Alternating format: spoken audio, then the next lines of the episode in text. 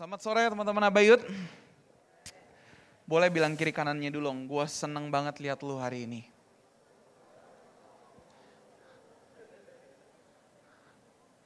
Ya, oke. Okay. Tadi it's a very old song ya, gue sangat yakin itu tidak ada dalam list uh, worship leading, tapi tiba-tiba Kak Jojo nembak ya kayak Yesus kawal permata. Tapi bagus banget teman-teman. Uh, the thing is, teman-teman, kalau teman-teman lihat ya, ada banyak lagu-lagu himne, teman-teman tahu ya, ada lagu-lagu yang udah lama, lagu-lagu himne, lagu-lagu yang mungkin kita nggak tahu teman-teman gitu ya. Tapi waktu teman-teman, coba deh teman-teman dengerin ya, lagu-lagu himne itu sebenarnya sangat dalam, old songs teman-teman. You can see every lyrics gitu ya. Bukan berarti lagu kontemporer nggak bagus, enggak, gitu kan. Selama tujuannya ke Kristus nggak ada masalah teman-teman, ya kan. Bahkan Kak Ongki mau menciptakan lagu sekalipun nggak masalah, ya kan. Tapi yang penting ujungnya ke Kristus. Tapi ada something about old songs yang menarik banget. Kalau teman-teman pernah dengerin himne-himne gitu ya, walaupun musiknya nada-nadanya mungkin mungkin beda stylenya atau teman-teman mungkin ada beberapa yang suka, tapi liriknya dan artinya itu dalam banget teman-teman. Bahkan beberapa ya, dulu kita pernah pelajarin waktu kita pelayanan di kampus teman-teman. Itu lagu-lagu itu bahkan ada yang banyak dibuat ketika orang-orang tersebut pencipta lagunya tuh lagi dalam penindasan teman-teman. Ada yang mereka lagi ditahan, lagi di penjara, ada yang lagi di persecute, dipersekusi teman-teman. Tapi dari dari hal-hal yang gak enak, hal-hal yang kayaknya aduh ini menguji iman sekali tapi keluar lagu-lagu yang begitu dalam artinya teman-teman. Ini juga sama teman-teman. Hari ini kita lihat perjalanan setiap kita teman-teman. Kita lagi banyak belajar soal Injil hari-hari ini, beberapa minggu ke belakang. Kita lihat ini bukan soal uh, apa ya pengertian kita. Maksudnya gini, teman-teman gampang kok. Teman-teman ditanya Injil itu apa, kita kita semua dengan serempak bisa jawab dengan mudah. Yesus mati buat saya di kayu salib. Dia gantikan hidup saya dan bla bla bla. Tapi teman-teman bisa lihat ada sesuatu yang berbeda antara orang-orang yang mengalami teman-teman sama yang sekedar tahu. Teman-teman mungkin pernah ya tahu ada mungkin ada beberapa hal yang teman-teman tuh gini, aduh hal ini dalam banget buat gua kak gitu ya. Kalau ngelihat mantan rasanya tuh aduh sedih sekali, deep sekali gitu ya. Dulu sama mantan tiap kali datang ke restoran makan duren berdua kak gitu kan aduh ini dalam banget sampai aku udah putus sama dia ya kan. Kayaknya gak bisa makan durian lagi. Karena dalam banget teman-teman rasanya ya kan. Kata kuncinya rasanya ya kan. Benar ya? Makanya Kak Kevin hebat dulu ya kan. Kalau makan durian sama Citea tuh luar biasa tuh di Malaysia ya kan. Jadi dalam ya, tapi jadi teman-teman ya. Nah, tapi kan lu punya banyak pengalaman yang dalam. Bukan cuma itu teman-teman misalkan ya kan. Uh, Winston ya kan, apa makanan kesukaannya ya kan, foie gras, woi makanan apa itu kak? Ya kan, gue tanya gitu Joseph pasti bilang nasi uduk mana tuh? Gitu kan, nah jadi kenapa gitu kan, wah karena dulu waktu kecil gue dimasakin sama mama gue, waduh ini ini personal sekali, bener ya teman-teman, at least you have some things, teman-teman pasti punya beberapa hal yang begitu personal, ya kan, Coba deh teman-teman, kapan pun Kak Jojo lagi bilang diet teman-teman. Teman-teman datang ke rumahnya bawa satu paket KFC original paha atas. Gak akan ditolak teman-teman. Ya kan? Karena personal banget nih, suka sekali. Sama, hari ini teman-teman kita bukan mau mengetahui saja soal Injil. Tapi kita mau begitu personal dengan apa yang Yesus lakukan buat hidup kita. Kita mau benar-benar lihat Injil itu bukan dari jauh, bukan dari pengetahuan belaka soal firman, bukan hanya dari bukan hanya dari pelajaran diajarkan mengerti dan no. Tapi bagaimana teman-teman? Ini bicara kita dengan Tuhan. Bagaimana engkau lihat Yesus mati buat hidup saya. Dia tebus hidup saya. Ini yang begitu personal. Ini kekuatan Allah buat hidup kita. Amin teman-teman. So hari ini waktu kita mau dengar firman sama-sama, jangan hanya lihat ada pelajaran, ada ada ada ada share yang dibagikan, ada knowledge, tapi teman-teman mesti tangkap dengan segenap hati Injil yang dibagikan. Amin teman-teman. Let's pray once again. Mari kita berdoa sekali lagi teman-teman. Kami bersyukur Bapa, kalau dalam semua perjalanan hidup kami Tuhan, Engkau Bapa yang setia. Kami banyak gagal Tuhan. Kami penuh dengan kelemahan. Tapi engkau Bapa yang tidak pernah lelah member, memberitakan, menunjukkan kasih setiamu buat kami Tuhan.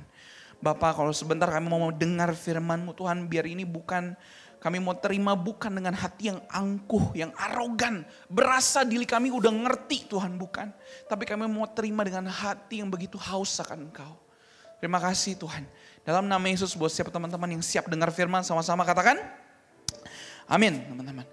Minggu lalu teman-teman Kak Kevin share, uh, ingat ya teman-teman ya, bagaimana setiap kita teman-teman, semuanya setiap kita berdosa teman-teman. Sehingga kita waktu kita menghakimi orang lain teman-teman, kita perlu ingat kita nih juga sama buruknya, sama berdosanya teman-teman. Mau engkau leader kayak, mau engkau udah pengalaman ikut Tuhan berapa lama, mau udah umur berapa. Pokoknya teman-teman kita perlu lihat bahwa hey, saya dan kamu itu sama-sama berdosa. Kita nih sama-sama penuh dengan kelemahan teman-teman.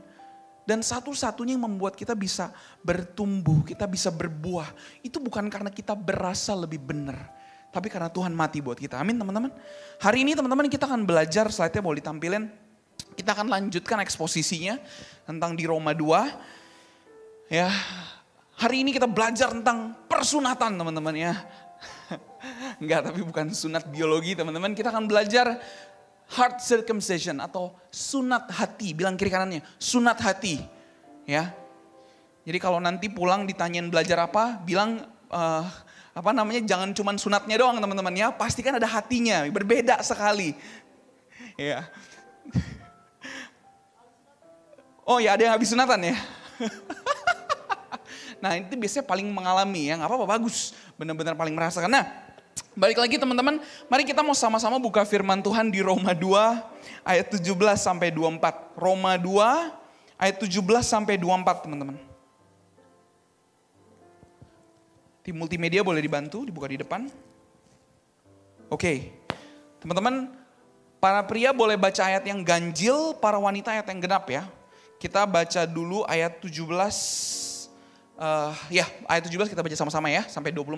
Para pria, 1, 2, 3. Tetapi jika kamu menyebut dirimu orang Yahudi dan bersandar kepada hukum Taurat, bermegah dalam Allah, ayat 18.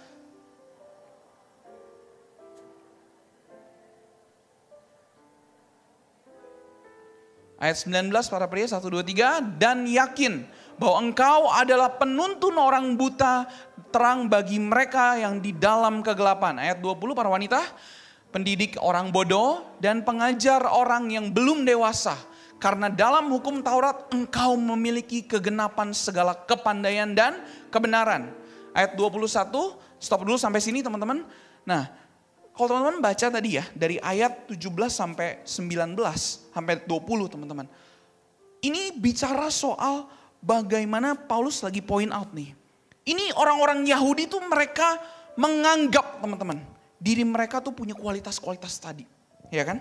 Boleh ditampilin tadi ayatnya. Dia bilang mereka ini adalah orang-orang yang bersandar kepada hukum Taurat, ya kan? Kita nih orang-orang yang tahu kehendak Tuhan, ya kan? Karena kita udah dari dulu diajar ya dalam hukum Taurat. Dan yakin kalau kita ini penuntun bagi orang buta, ini ada di perjanjian lama. Gue gak akan bahas detailnya. Jadi mereka berasa kami ini adalah terang dari Israel. Wah, teman-teman mesti ngerti backgroundnya bangsa Yahudi ini tuh bangsa yang spesial. Teman-teman. Kenapa? Karena bangsa Yahudi ini adalah direct descendant. Keturunan secara langsung dari salah satu uh, apa namanya tribes atau suku dari Israel. Jadi mereka ini keturunan asli Israel. Teman -teman.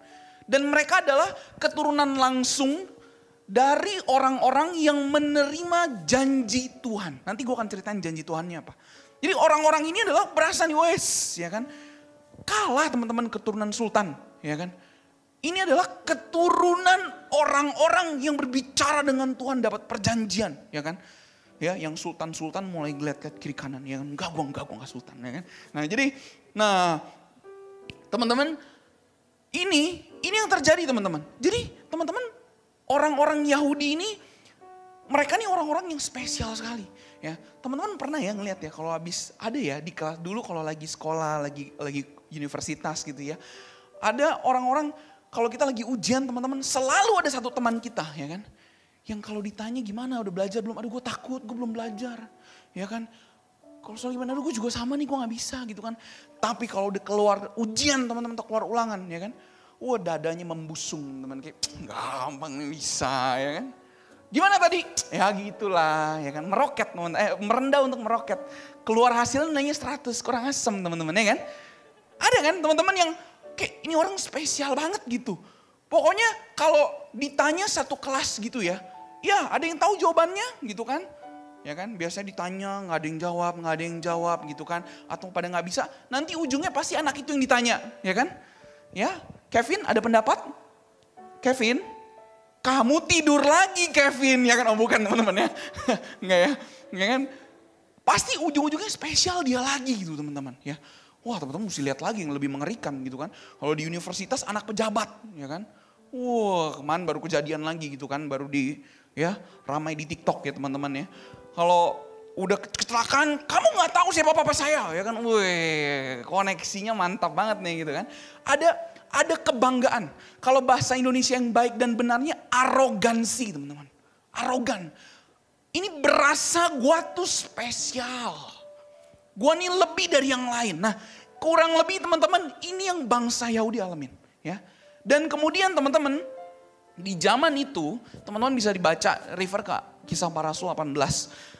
Di zaman itu teman-teman, ini ditulis ini ada satu kejadian. Jadi di Roma ini teman-teman, waktu itu dipimpin sama sebuah kaisar namanya Claudius. Kaisar ini teman-teman singkat cerita, dia punya kebijakan.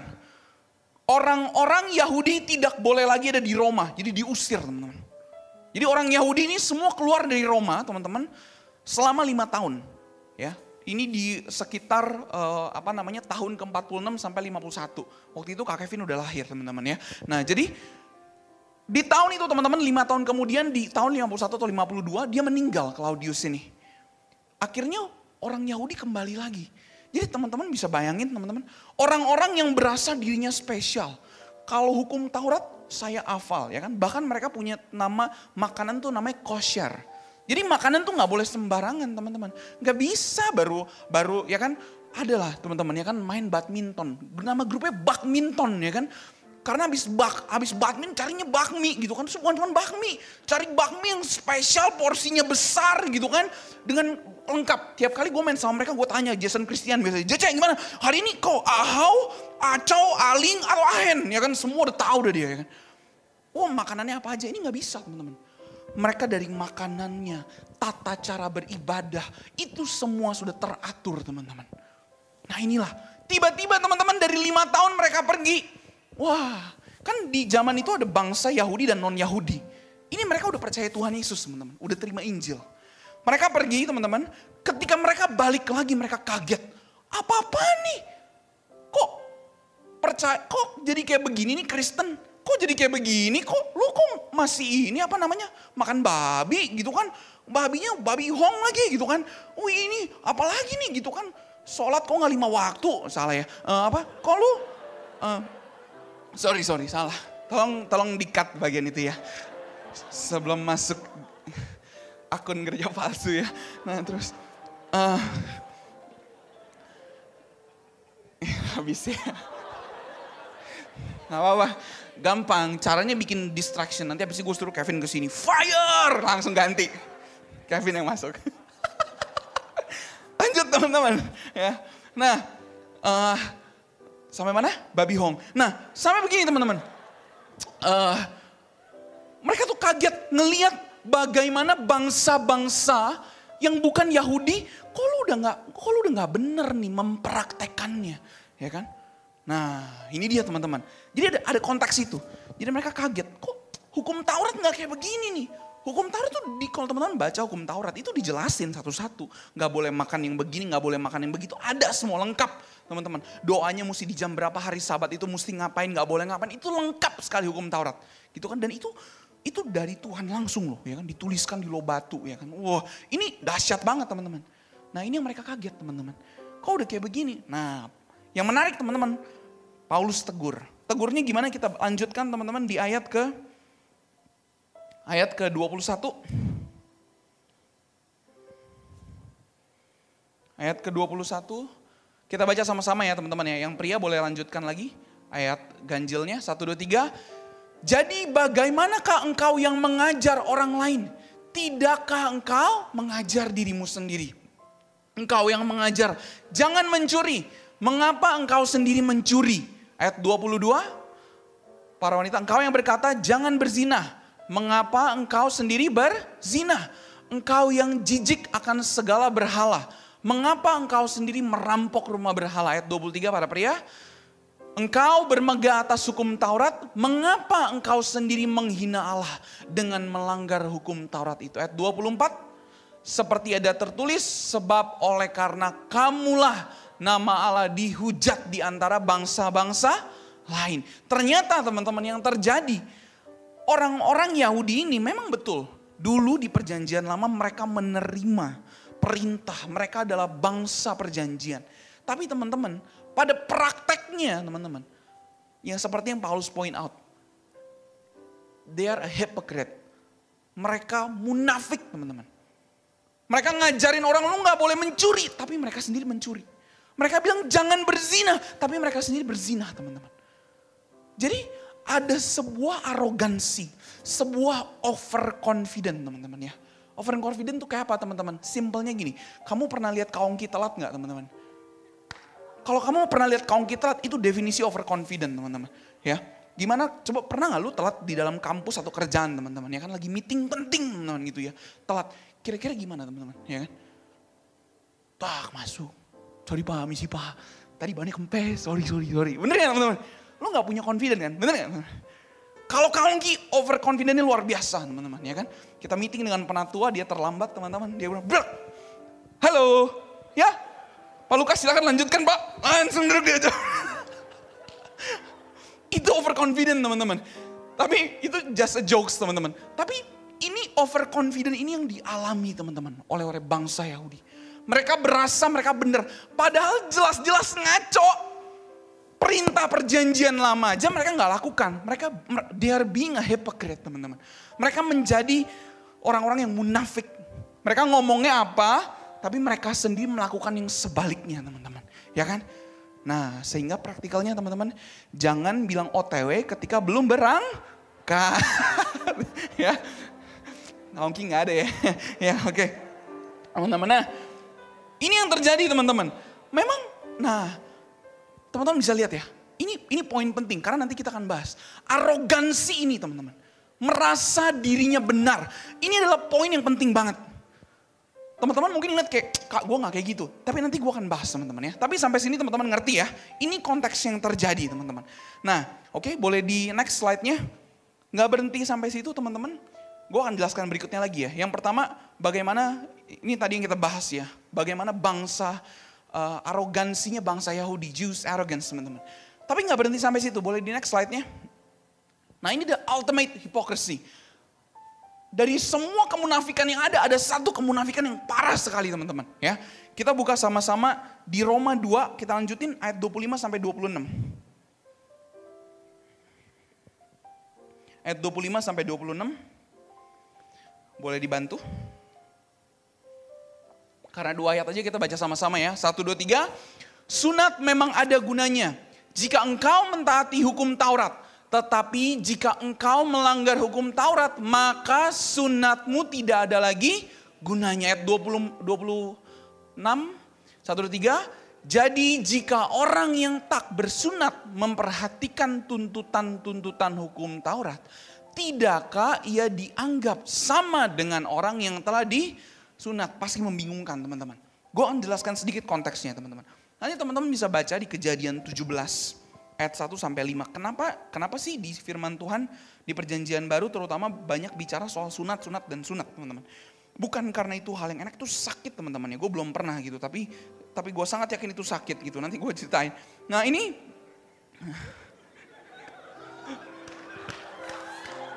wrong statements.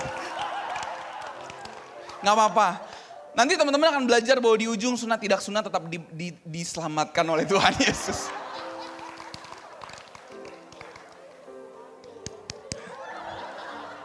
Ya, ya. Mari kembali ke firman Tuhan saudara-saudara. Teman-teman, gue akan bacain singkat aja supaya teman-teman mengerti apa yang dimaksud. Kejadian 17 ini teman-teman ya. Uh, kita diciptakan dengan tubuh, kita kembali dengan tubuh yang sama ya kan. Nggak, nggak, nggak, nggak, nggak, lanjut, lanjut, lanjut. Ketika, nih teman-teman ini cerita tentang Abram, Abram teman-teman. Ketika Tuhan membuat perjanjian dengan Abram. Gue bacain dengan cepat teman-teman tangkep ya. Ketika Abram berumur 99 tahun, maka Tuhan menampakkan diri kepada Abram dan berfirman kepadanya. Akulah Allah yang maha kuasa, hiduplah di hadapanku dengan tidak bercelah. Aku akan mengadakan perjanjian antara aku dan engkau teman-teman. Oke, lalu sujudlah Abraham dan Allah berfirman kepadanya dari pihakku inilah perjanjianku dengan engkau. Engkau akan menjadi bapa sejumlah besar bangsa. Karena itu namamu, namamu bukanlah lagi Abram, tapi Abraham. Karena engkau telah kutetapkan menjadi bapa sejumlah besar bangsa. Aku akan membuat engkau beranak cucu sangat banyak. Engkau akan kubuat menjadi bangsa-bangsa dan daripadamu akan berasal raja-raja. Aku akan mengadakan perjanjian antara aku dan engkau. Serta keturunanmu menjadi perjanjian yang kekal supaya aku menjadi Allahmu dan Allah keturunanmu. Lah powerful sekali teman-teman ya. Jadi bukan cuma Abraham, dia menjadi perjanjian antara Abraham dan Tuhan dengan keturunannya juga teman-teman. Oke? Nah, tapi dia bilang begini, kepadamu dan kepada keturunanmu akan kuberikan negeri ini yang ku diami sebagai yang kau diami sebagai orang asing, yakni seluruh tanah Kanaan dan menjadi milikmu selama-lamanya. Ayat 9 dia bilang gini, dari pihakmu engkau harus memegang perjanjianku. Engkau dan keturunanmu turun temurun. Ya kan? Dia bilang gini, inilah perjanjianku yang harus kamu pegang. Perjanjian antara aku dan kamu serta keturunanmu. Yaitu setiap laki-laki di antara kamu harus disunat. Haruslah dikerat kulit katanmu. Kulit katan tuh kulit sisaan yang dipotong waktu disunat teman-teman ya. Nah ini itulah akan, nah dan itulah akan menjadi tanda perjanjian antara aku dan kamu anak yang berumur 8 hari haruslah disunat, ya kan? Yakni setiap laki-laki di antara kamu turun temurun, baik yang lahir di rumahmu ataupun orang yang nah bla bla bla bla bla yang lain. Dia bilang gini yang terakhir teman-teman. Dan orang yang tidak disunat, yakni laki-laki yang tidak dikerat kulit katannya, maka orang itu harus dilenyapkan dari antara orang-orang sebangsanya. Ia telah mengingkari perjanjianku, teman-teman. Ya, kita bersyukur Yesus menjadi perjanjian baru teman-teman semua ya. Jadi teman-teman bisa tahu bahwa sunat itu begitu dalam artinya. Karena sunat nggak sunat itu bukan soal medical doang, bersih nggak bersih, bukan. Tapi sunat nggak sunat artinya kamu menjadi perjan bagian dalam perjanjian yang Allah lakukan dengan Abraham teman-teman. Sepowerful itu teman-teman. Ya, bahkan sampai kalau nggak disunat di, dilenyapkan katanya. Nah jadi separah itu teman-teman. Tapi ini yang menarik teman-teman. Orang-orang Yahudi teman-teman mereka hafal sekali. Bahkan Paulus sempat bilang, gue nih paling Yahudi ibarat kata. Gue nih mengikuti sekali tradisi ini. Ya kan? Disunat pada hari ke-8. Dan mereka juga lakukan yang sama. Tapi teman-teman, yang parahnya adalah begini. Standarnya itu mereka penuhi. Tapi teman-teman, di dalam hati itu busuk sekali teman-teman. Ya, bahkan Yesus bilang, teman-teman nanti bisa baca di Matius. Kamu tuh ya, dia bilang gini, kamu tuh kayak apa namanya graveyard kayak apa namanya uh, tempat pemakaman yang luarnya dihiasi putih bersih tapi dalamnya tuh mayat dia bilang. Lu tuh kayak cawan emas tapi dalamnya tuh kotor. Teman-teman bisa lihat nggak? Ada dualisme standar. di mana di luarnya begitu luar biasa, bagus sekali teman-teman. Nah ini teman-teman. Nah ini yang tapi di dalam hatinya tuh kacau. Ya, Nah teman-teman mesti ngerti gini, kalau kita mau quote perjanjian lama, teman-teman nggak bisa mentah-mentah Ya kan? Karena kalau teman-teman mentah-mentah, kalau teman-teman baca firman kita tadi artinya apa? Teman-teman yang belum disunat gitu kan. Kita bukan termasuk anak perjanjian loh. Ya kan? Kenapa? Terus makanya teman-teman jangan suka sembarangan kayak, oh perjanjian lama ada firman apa, wah ini buat saya, ya kan. Diberkatilah masuk dan keluarmu, aku ini kepala bukan ekor. Gak bisa teman-teman. Beda.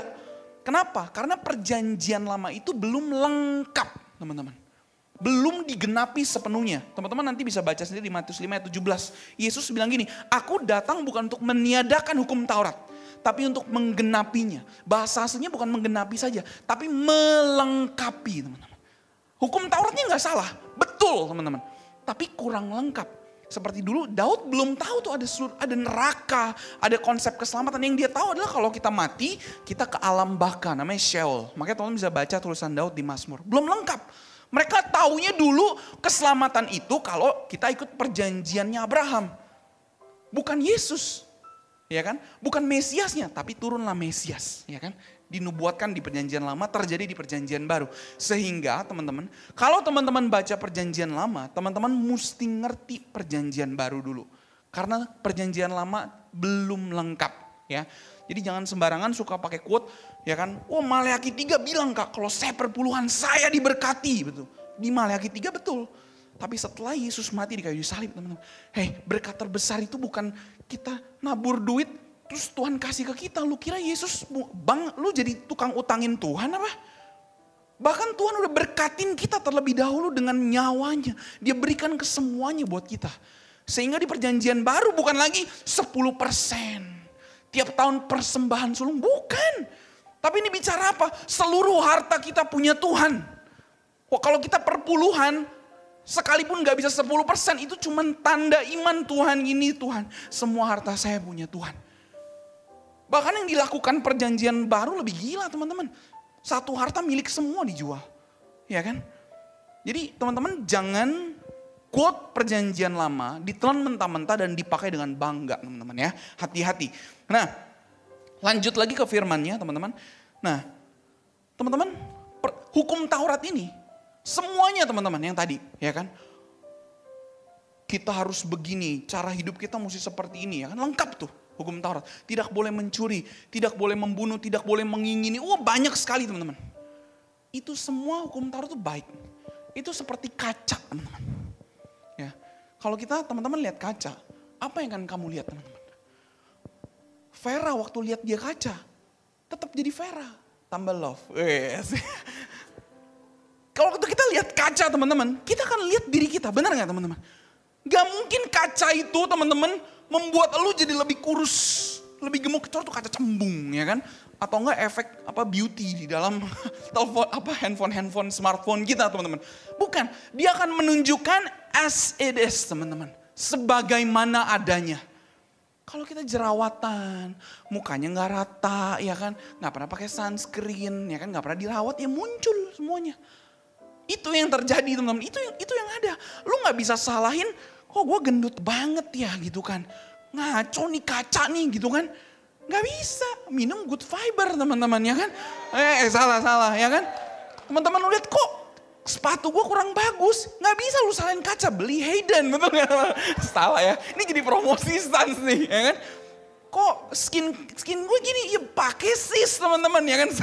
Ini semua jadi produknya tapi lo bisa lihat nggak teman-teman? Bercanda ya teman-teman ya. Teman-teman bisa lihat oh ter, hukum Taurat itu teman-teman.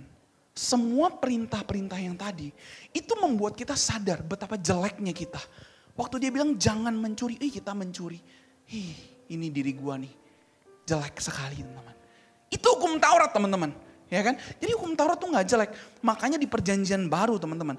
Teman-teman nanti bisa baca sendiri. Dia bilang gini, Kristus adalah kegenapan hukum Taurat. Sehingga kebenaran diperoleh tiap-tiap orang yang percaya. Melalui Yesus teman-teman. Dia menggenapi hukum Taurat buat kita. Kita yang berdosa dijadikan benar teman-teman. Sementara dia yang tidak berdosa, dia tanggung dosa kita. Semua karena Tuhan. Sehingga teman-teman, kita udah gak bisa yang namanya arogan. Lu gak bisa berasa gua tanpa Tuhan gua bisa. Gak bisa teman-teman. Kebenaran kita 100%. Semuanya karena yang Tuhan Yesus lakukan buat kita. Dan gue mau quote apa yang kemarin Kevin bilang. Teman-teman kita perlu sadar. Teman-teman kita jangan arogan. Gue nih anak spesial. Uh, lihat dong gue. Gue nih, gua ada di dunia ini sampai Yesus mati di kayu salib buat gue Spesial sekali. Memang betul Yesus mati buat kita. Teman-teman tapi itu bukan karena kita spesial. Kita nih ada dan gak ada Tuhan tuh gak berdampak, gak kedampak apa-apa. Kita kita diselamatkan bukan karena siapa kita, seberapa spesial kita. Kita diselamatkan karena Tuhan yang begitu mengasihi kita. Siapa diri dia buat kita. Sehingga aneh teman-teman. Kalau kita terima Injil, tapi cara hidup kita arogan sombong, angkuh, nggak mau bertobat, nggak bisa ditegur. Aneh. Karena harusnya kalau kita terima Injil kita makin sadar gila Tuhan tuh Tuhan saya ini penuh dengan kelemahan saya ini nggak bisa taat sama hukum Taurat teman-teman cermin tadi Tapi Tuhan engkau genapi, engkau engkau engkau yang nggak berdosa menjadi berdosa. Engkau ganti tukar karena mengasihi saya. Ini teman-teman. Kita mindsetnya kita jangan bangga teman-teman. Yakobus bilang nih kita tuh kayak uap. Hari ini ada besok udah nggak ada teman-teman. Tapi Tuhan memilih untuk mengasihi kita. Itu Injil teman-teman. Ya. Nah ini yang terjadi teman-teman. Kita dengan ini kita sadar teman-teman. Teman-teman bisa baca di Matius ya. Waktu orang-orang Yahudi itu bilang, wah jangan mem, jangan membunuh. Yesus bilang apa teman-teman? Barang siapa ya kan? Dia pendam amarahnya. Dia punya amarah. Sama aja seperti membunuh. Jangan berzina. Ya kan? Tapi Tuhan Yesus bilang gini, barang siapa. Ya kan, kau lihat wanita dan mengingini di dalam ha? hati. Sudah berzina. Jadi Tuhan mau kasih tahu, eh lu yang berasa sombong, arogan. Ya, orang-orang Yahudi yang berasa lu tahu tentang firman Tuhan dan lu udah praktek. Gua kasih tahu nih standar hati gua.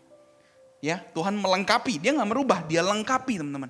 Kalau dulu berzina doang, ya kan? Kalau ini dibilang berzina, menginginkan dalam hati aja udah berzina, ya kan? Cowok-cowok langsung bilang, waduh mateng gua, ya kan? Ini, ini kita teman-teman. Tapi teman-teman mesti tahu, kita nggak ada yang bisa sampai ke standar itu teman-teman. Karena memang standar itu impossible kita semua jatuh di dalam dosa. Dan semua standar tadi untuk kita sadar, Tuhan saya tidak bisa tanpa engkau. Saya butuh pengampunanmu teman-teman. Nah itu, itu hati yang gak sombong, itu hati yang gak arogan teman-teman. Ya, teman-teman ngerti ya konsepnya. Semua yang Yesus bilang itu bukan supaya kita, ah nggak bisa taat kan lu hancurkan dosa lu enggak supaya kamu sadar Tuhan saya ini ancur Tuhan. Bobrok, saya itu berzina Tuhan. Saya ini suka membunuh orang. Walaupun saya nggak pernah bunuh orang tapi saya marah, amarah dalam hati. Saya menginginkan orang dalam hati. Begitu bobroknya kita. Nah ini yang terjadi teman-teman ya. Nah, ini yang luar biasanya. Yesus tidak berubah. Amin teman-teman. Ya. Berapa teman-teman udah kepikir dari tadi apa? Baru ngomong sudah berubah. Tuhan Yesus tidak berubah ya kan? Tidak berubah tidak berubah. Ini ya memang anak TikTok ya. Apa? Kita bersyukur Tuhan kita nggak berubah teman-teman. Dari dulu sekarang sampai selama-lamanya. ya. Komeng nih paling teman begini-begini memang ya. Jadi ya ini teman-teman memang gue lihat-lihat apa luar biasa memangnya TikTok TikTok ini dan gerakan-gerakan wibu ya kan Jason Wirawan nggak ada ya, mimpin kita tuh dalam hal perwibuan ya. Jadi apa namanya teman-teman, balik lagi, uh, itu yang terjadi teman-teman. Waktu orang-orang Yahudi bilang itu standarnya mereka sudah tinggi, sudah luar biasa. Tapi Tuhan bilang, Tuhan lihat nih standarnya Yesus. Dan itu bukan supaya kita hancur, tapi supaya kita datang sama dia. Yang terakhir, boleh dibuka slide-nya. Uh, poin terakhir, teman-teman, ya, tadi kita belajar tentang hipokresinya ya. Yang terakhir adalah heart circumcision. Nah kita baca sama-sama di ayat 28 sampai 29. 28 sampai 29. Kita baca sama-sama teman-teman ya. Satu, dua, tiga. Sebab yang disebut Yahudi, yuk baca sama-sama ya, gue ulang. Satu, dua, tiga. Sebab yang disebut Yahudi bukanlah orang yang lahiriah Yahudi. Dan yang disebut sunat bukanlah sunat yang dilangsungkan secara lahiriah. Nah, Paulus lagi ingetin soal Injil. Orang yang disebut Yahudi, teman-teman, itu bukan orang yang menerima perjanjian dengan Tuhan, itu bukan yang lahiriah. Padahal secara definisi harusnya benar. Yahudi itu tuh keturunan sebenarnya dan yang convert gitu kan. Nah, tapi dia lagi mau kasih tahu, bukan itu. Ini ada perjanjian yang baru, ya kan? Dan dia bilang apa? Bukan sunat yang dilangsungkan secara lahir lahirnya. Ayat 29 kita baca sama-sama 1 2 3. Tetapi orang Yahudi sejati ialah dia yang tidak nampak keyahudiannya dan sunat ialah sunat di dalam ha? hati secara rohani bukan secara hurufiah. Maka pujian baginya datang bukan dari manusia melainkan dari Allah. Teman-teman lihat Paulus lagi mention bahwa, hey sunat yang sejati. Syarat, kalau tadi kan sunat itu kan syarat, sunat lahiriah, itu syarat untuk kita bisa menerima perjanjian teman-teman. Ya kan? kita Tuhan menjadi Allahnya kita tuh dengan kita disunat kalau di kejadian 17 tadi. Tapi yang kali ini dia bilang sunatnya bukan lagi sunat lahiriah, tapi sunatnya rohani. Maksudnya seperti apa? Teman-teman ini ada satu, uh, ada banyak penjelasan tentang sunat rohani teman-teman. Tapi ada satu yang menarik, slide-nya boleh dilanjutin. Ada salah satu orang, uh, ini Joesh teman-teman uh, orang Yahudi yang dia percaya Tuhan teman-teman. Dalam satu bukunya di, di Sirkumsione dia cerita tentang culture orang Yahudi dan dia bilang gini. Surat sunat rohani itu adalah simbol dari dua hal. Yang pertama cutting of pleasure and the other is removal of arrogancy, a purity. Jadi sunat rohani ini bukan bicara teman-teman sunat, oh fire itu bukan teman-teman bukan ya, bukan bukan. Sunat ini bicara apa? Simbol dari dua hal. Yang pertama, kita memotong teman-teman. Ya kan? Pleasure. Dan yang kedua, removal of arrogance. Kita membuang arogansi kita teman-teman. Ini menjadi sebuah sesuatu yang sifatnya itu murni teman-teman ya. Teman-teman mesti lihat, kalau teman-teman, dulu gue ingat sekali teman-teman ya. Gue trauma ngelihat orang disunat teman-teman. Gara-gara dulu kita lagi pernah uh, ke daerah uh, Sukabumi something gitu ya Terus ada teman sebaya gue waktu itu gue masih SD gitu ya. Jadi kan inget semua temen-temen ya. Ingat, dia mau disunat. Tapi kan di zaman itu sunatnya, gue gak kebayang sunat itu seperti apa gitu kan. Yang gue tahu cuma di kulit katan itu dipotong teman-teman ya. Dia sunat bukan di rumah sakit teman-teman. Itu di danau gitu terus ada tenda doang. Pakai lampunya lampu kuning teman-teman. Yang di gitu kan. Terus dia nangis-nangis gitu, gue makin deg-degan liatin ya kan. Ya kan sunat gitu kan. Dia bilang, saya mau dibius. Dia bilang dokternya bilang gini, kamu mau dibius apa gitu kan. Saya mau teler dia bilang gitu. Lo buat apa saya takut. Dia bilang gitu kan, temen gue tuh. Terus dia pakai bahasa Sunda tuh dokter, ya teh sakit eh gitu. Padahal belum disunat gitu kan. Nah, udah, udah takut banget gitu. Terus sampai akhirnya nggak bisa kalau ini biusnya bius lokal, cuma di titik tertentu doang. Kamunya masih tetap sadar. Jadi kayak, wah takut gitu kan. Terus beneran yang pas masuk gitu kan, gue anak SD kan ngebayangin gitu kan, pakai gunting yang besar tau gak, buat gunting dragon karubi gitu kan, tak gitu kan. Gue ngebayanginnya udah ada gue lupa dan anak SD lagi di sini. ya teman-teman akan belajar pada waktunya ya. Nah jadi apa gunting buat lu tahu kan kalau lagi makan di Korean barbecue ada dragon karubi yang gede-gede kan pah gitu, mantep banget gitu kan. Nah, jadi wah gue tuh udah takut gitu. Dan kejadian teman-teman tak dan pas disunat wah wah ada bilang waduh gue makin ngeri gue makin deg-degan gitu ya. Waduh ini sakit banget. Sejak itu masuk teman-teman ya kan. Mengerikan sekali teman-teman. Tapi memang begini teman-teman gue nggak tahu ya teman-teman yang uh, menjalani prosedur sunat ketika sudah dewasa ya kan sakit atau enggak ya mungkin dengan teknologi sekarang berbeda gitu ya. Tapi teman-teman yang namanya bagian tubuh lu dipotong. Ada yang bilang enak kah gitu kan. Mau lagi dong gitu kan. Mana ada sih gitu kan. Oh dong itu teman-teman ngerti gak maksud gue. Lu pastikan lu ini sakit teman-teman ya kan. Nah ini teman-teman juga sama teman-teman. Waktu kita sunat secara hati. Membuang kulit katan yang kotor itu teman-teman itu bukan pleasure, itu painful. Sakit teman-teman. Waktu kita, ini konsepnya sama seperti waktu Yesus bilang ini, kita perlu menyangkal diri kita. Kita tahu nih, aduh gue pengen berdosa. Memang kita sudah ditebus, tapi kita perlu menyangkal Tuhan, saya tidak mau Tuhan. Karena Tuhan sudah mati buat saya, saya mau berjuang. Ada penyangkalan sunat kita secara hati. Ada pleasure yang kita tukar, walaupun rasanya painful teman-teman. Ya, Nah, ini yang pertama, yang painful. Yang kedua adalah tadi arrogance, teman-teman ya. Gue, oh ya, gue juga lihat ada, wah tapi ini terlalu, ini udah dewasa, jangan deh. Lanjut, arrogance. Yang kedua, teman-teman, arogansi yang dibuang, teman-teman ya. Teman-teman, gue melihat ada pola. Teman-teman lihat deh, semua pemimpin-pemimpin rohani yang tercatat di dalam Alkitab, mereka bukan orang yang sempurna. Ya, Kevin kemarin ngomong bagus banget, dia bilang gini, lu expect apa sih dari sebuah komunitas, dari sebuah gereja, teman-teman. Walaupun memang kita harus saling mengasihi, berusaha dengan sebaik kita. Tapi pasti ada kelemahan. Pasti ada disappointment, pasti ada mengecewakan. Jangankan gereja, pasangan satu sama lain yang katanya saling cinta dan mau berkomitmen aja bisa berantem. Iya nggak teman-teman? Memang pasti karena kita penuh kelemahan. Tapi ada satu pola teman-teman. Teman-teman bisa lihat di kehidupan kita, kehidupan teman-teman pribadi dan kehidupan yang tercatat di dalam Alkitab.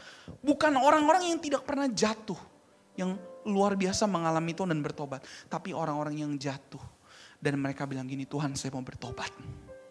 Mereka sungguh-sungguh bertobat teman-teman. Lihat Daud teman-teman sama Bathsheba jatuh ya kan.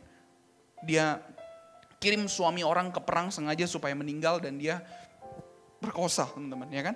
Dia uh, have adultery. Berzinahan. Banyak lagi teman-teman yang lain. Musa dia ngebunuh. Ya kan.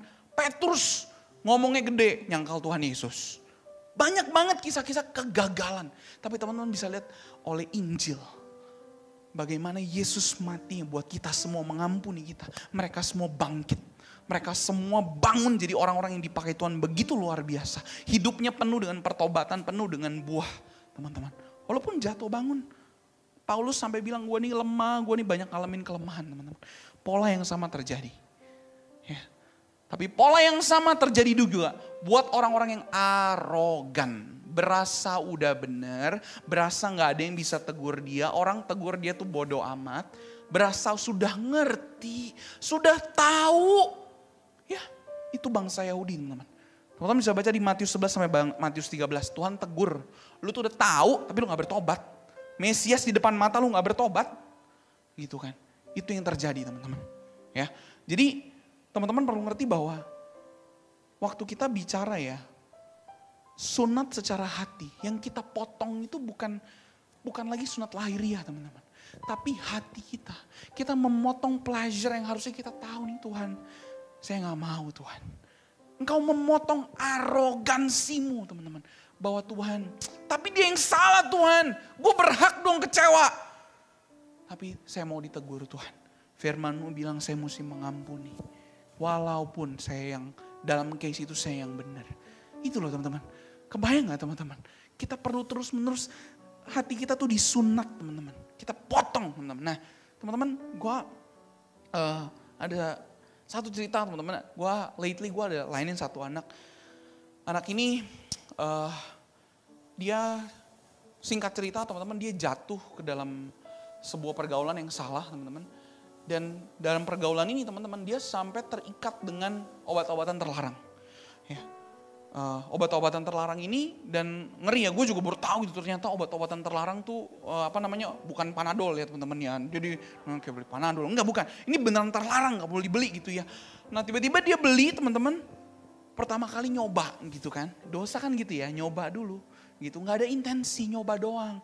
Pas dia nyoba teman-teman ketagihan Ketagihan singkat cerita teman-teman. Wah ini keren banget kayak udah film CSI gitu deh. Lu beli terus namanya mapping gitu kan. Jadi dia kasih titik, kasih peta. Taruh di sini gitu kan, bayarnya transfer ke sini gitu kan. Terus nanti paketnya ditaruh di sini, dititikin ya kan. Nanti dia ambil, dia cari. Jadi kayak kayak orang apa namanya uh, transaksi gitu loh kayak diem-diem kasih gitu selesai gitu kayak keren banget gitu kan. Gue biasa juga begitu teman-teman gue. Gue suka beli pil kafein teman-teman gitu. Terus kayak efektif sekali teman-teman ya. Yang teman-teman yang nggak kuat ngopi, teman-teman tinggal minum pilnya, tek kafein murni langsung ya kan. Terus udah murah, efektif bisa dipakai kapan aja. Kadang suka gue, gue suka gue suka kasih sampel gitu kan. Lu mau coba nggak gitu kan?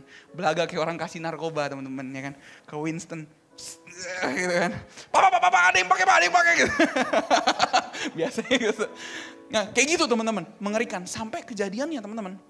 Orang ini dikerjain sama polisi gitu kan. Dikerja, oh, bukan dikerjain, sorry, ditangkap teman-teman. Ditangkap teman-teman, singkat cerita, gue gak bisa ceritain detailnya. Ditangkap, ini yang ini yang ini yang buat gue gue terbelalak tuh dengar cerita dia. Orang ini oke, okay, dia dia sudah kenal Tuhan lama, tapi ada satu pengalaman yang membuat dia tersentak. Waktu dia masuk penjara, dia bilang kurang lebih polisi bilang gini, kamu kalau mau ditebus, kamu mesti ada yang bail out kamu, mesti ada yang bayar kamu dan bayarnya nggak murah teman-teman. Oke, okay? teman-teman dia udah berasa wah gimana nih, nggak enak sama orang tua, berasa gagal, berasa kacau, udah udah nggak layak teman-teman. Tapi yang gue salut orang tuanya teman-teman. Orang tuanya datang, dia bail, orang tuanya bayar teman-teman. Berjuta-juta besar sekali dananya. Dan orang tuanya tidak sekalipun bahas, kenapa sih kamu begini, kenapa begini. Orang tuanya cuma afirmasi, kamu tuh anak yang disayang. Kamu tuh kasih, udah jangan kayak gini yuk kita pulang. Dibawa pulang. Di situ dia bilang gini, kak, gue tahu Tuhan tuh tebus hidup gue. Tapi ini baru pertama kali gue alamin. ini ya ditebus ya. Gue tuh udah gak layak, udah udah gak layak, aduh jelek ini salah gue. Tapi gue ditebus. Dan bukan cuma ditebus, gue gak disalahin, gue disayang. Sampai dalam hati gue, gue bilang begini, Tuhan saya janji Tuhan. Saya gak mau ngecewain orang tua saya. Saya mau sungguh-sungguh bertobat. Begitu dalam apa yang dialamin teman-teman. Teman-teman tahu gak? Setiap hidup kita juga sama teman-teman. Kita ini udah gak layak sebenarnya. Kita ini udah terlalu penuh sama dosa. Kita ini udah terlalu busuk teman-teman. Jahat. Semua tuh udah berdosa. Tapi Tuhan, karena begitu besar kasih Allah kan kita teman-teman. Dia tebus kita. Bukan karena kita spesial. Tapi karena Tuhan yang ajak kita. Dia mengasihi kita teman-teman. Dan dia tebus kita. Sehingga teman-teman. Pasti kalau kita beriman dengan benar. Pasti garis bawah teman. Pasti kita rindu bertobat. Pasti kita hidupnya berbuah teman-teman. Gak perlu dipaksa. Orang begitu dalam penebusan ini kok. Begitu personal kok kasih Tuhan sama hidup kita. Amin teman-teman. Ya. Nah, sunat ini teman-teman, kita buka satu ayat terakhir di Yakobus 1 ayat 21. Yakobus 1 ayat 21.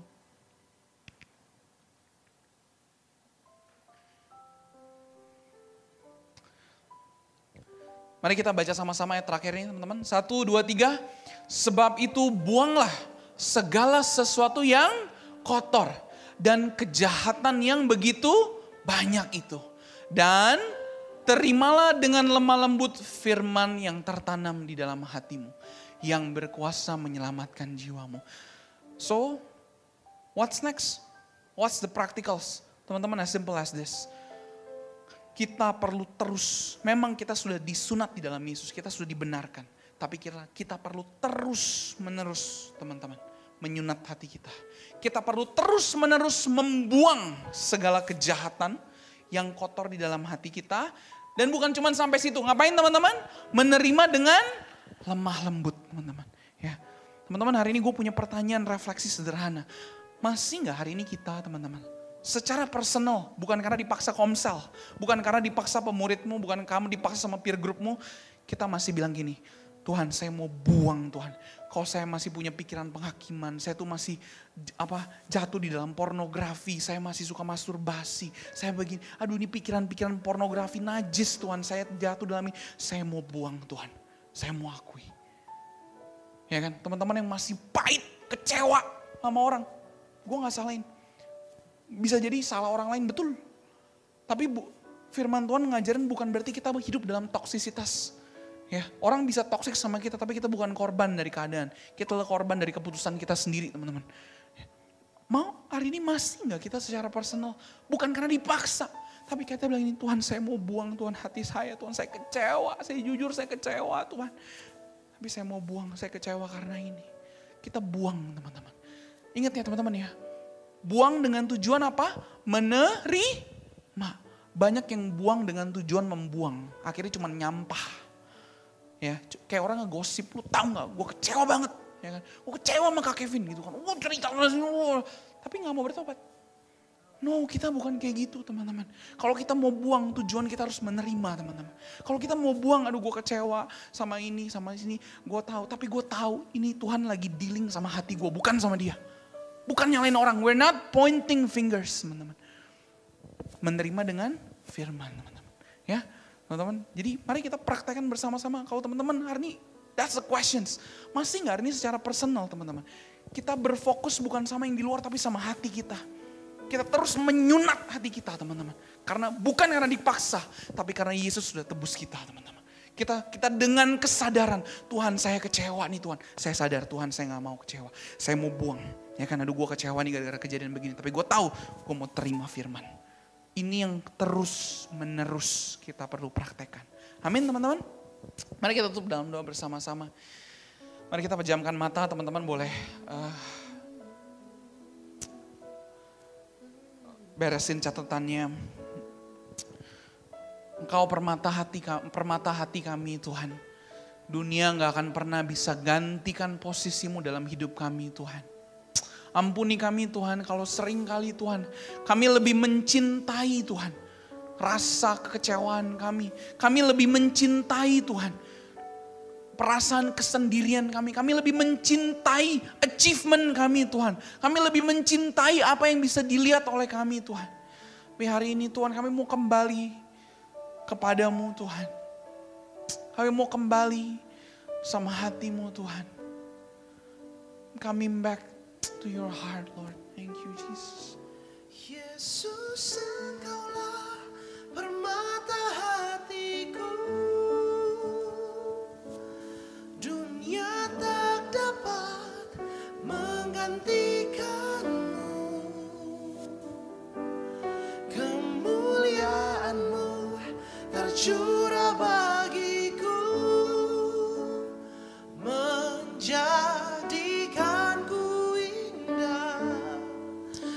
semakin indah. Yesus engkaulah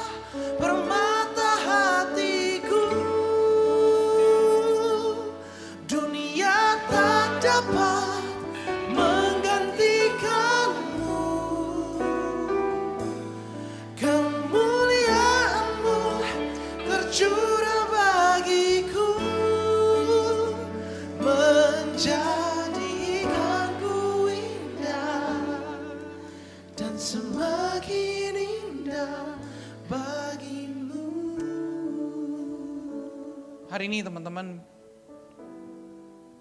kalau teman-teman, gue gue diingatkan, kalau hari ini ada mungkin kau berasa gue struggle banget dengan banyak permasalahan-permasalahan di hidup gue.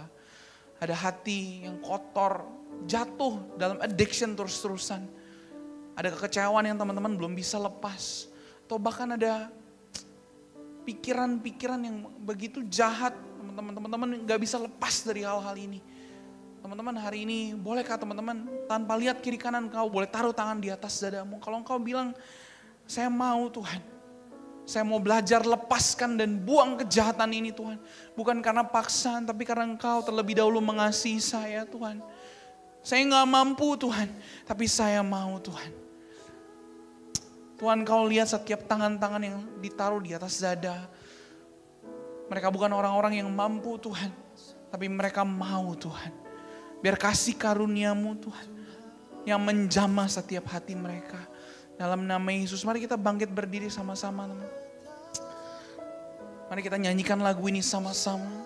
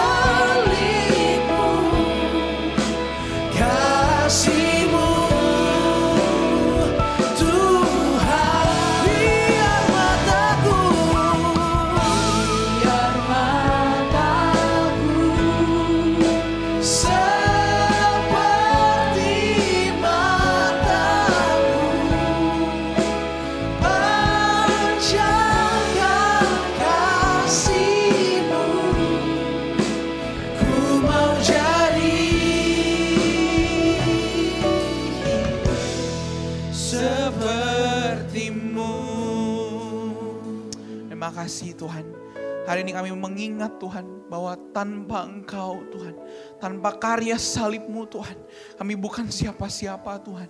There is no reason for our arrogance Tuhan. Tidak ada satupun alasan kami bisa berbangga, kami bisa angku dan sombong. Satu-satunya kami berbangga dalam kelemahan kami, kuasamu sempurna Tuhan. Terima kasih Bapa. Tuhan kami mau terus ingat untuk kami bukan lagi yang kelihatan di depan mata. Bukan sunat lahiriah, bukan hukum Taurat Tuhan. Tapi kami mau disunat secara rohani Tuhan. Kami mau terus Tuhan punya hati yang bersih. Kami mau buang dan kami mau terima Injilmu. Terima kasih Bapak di dalam nama Yesus buat siapa teman-teman yang dengar firman Tuhan sama-sama katakan.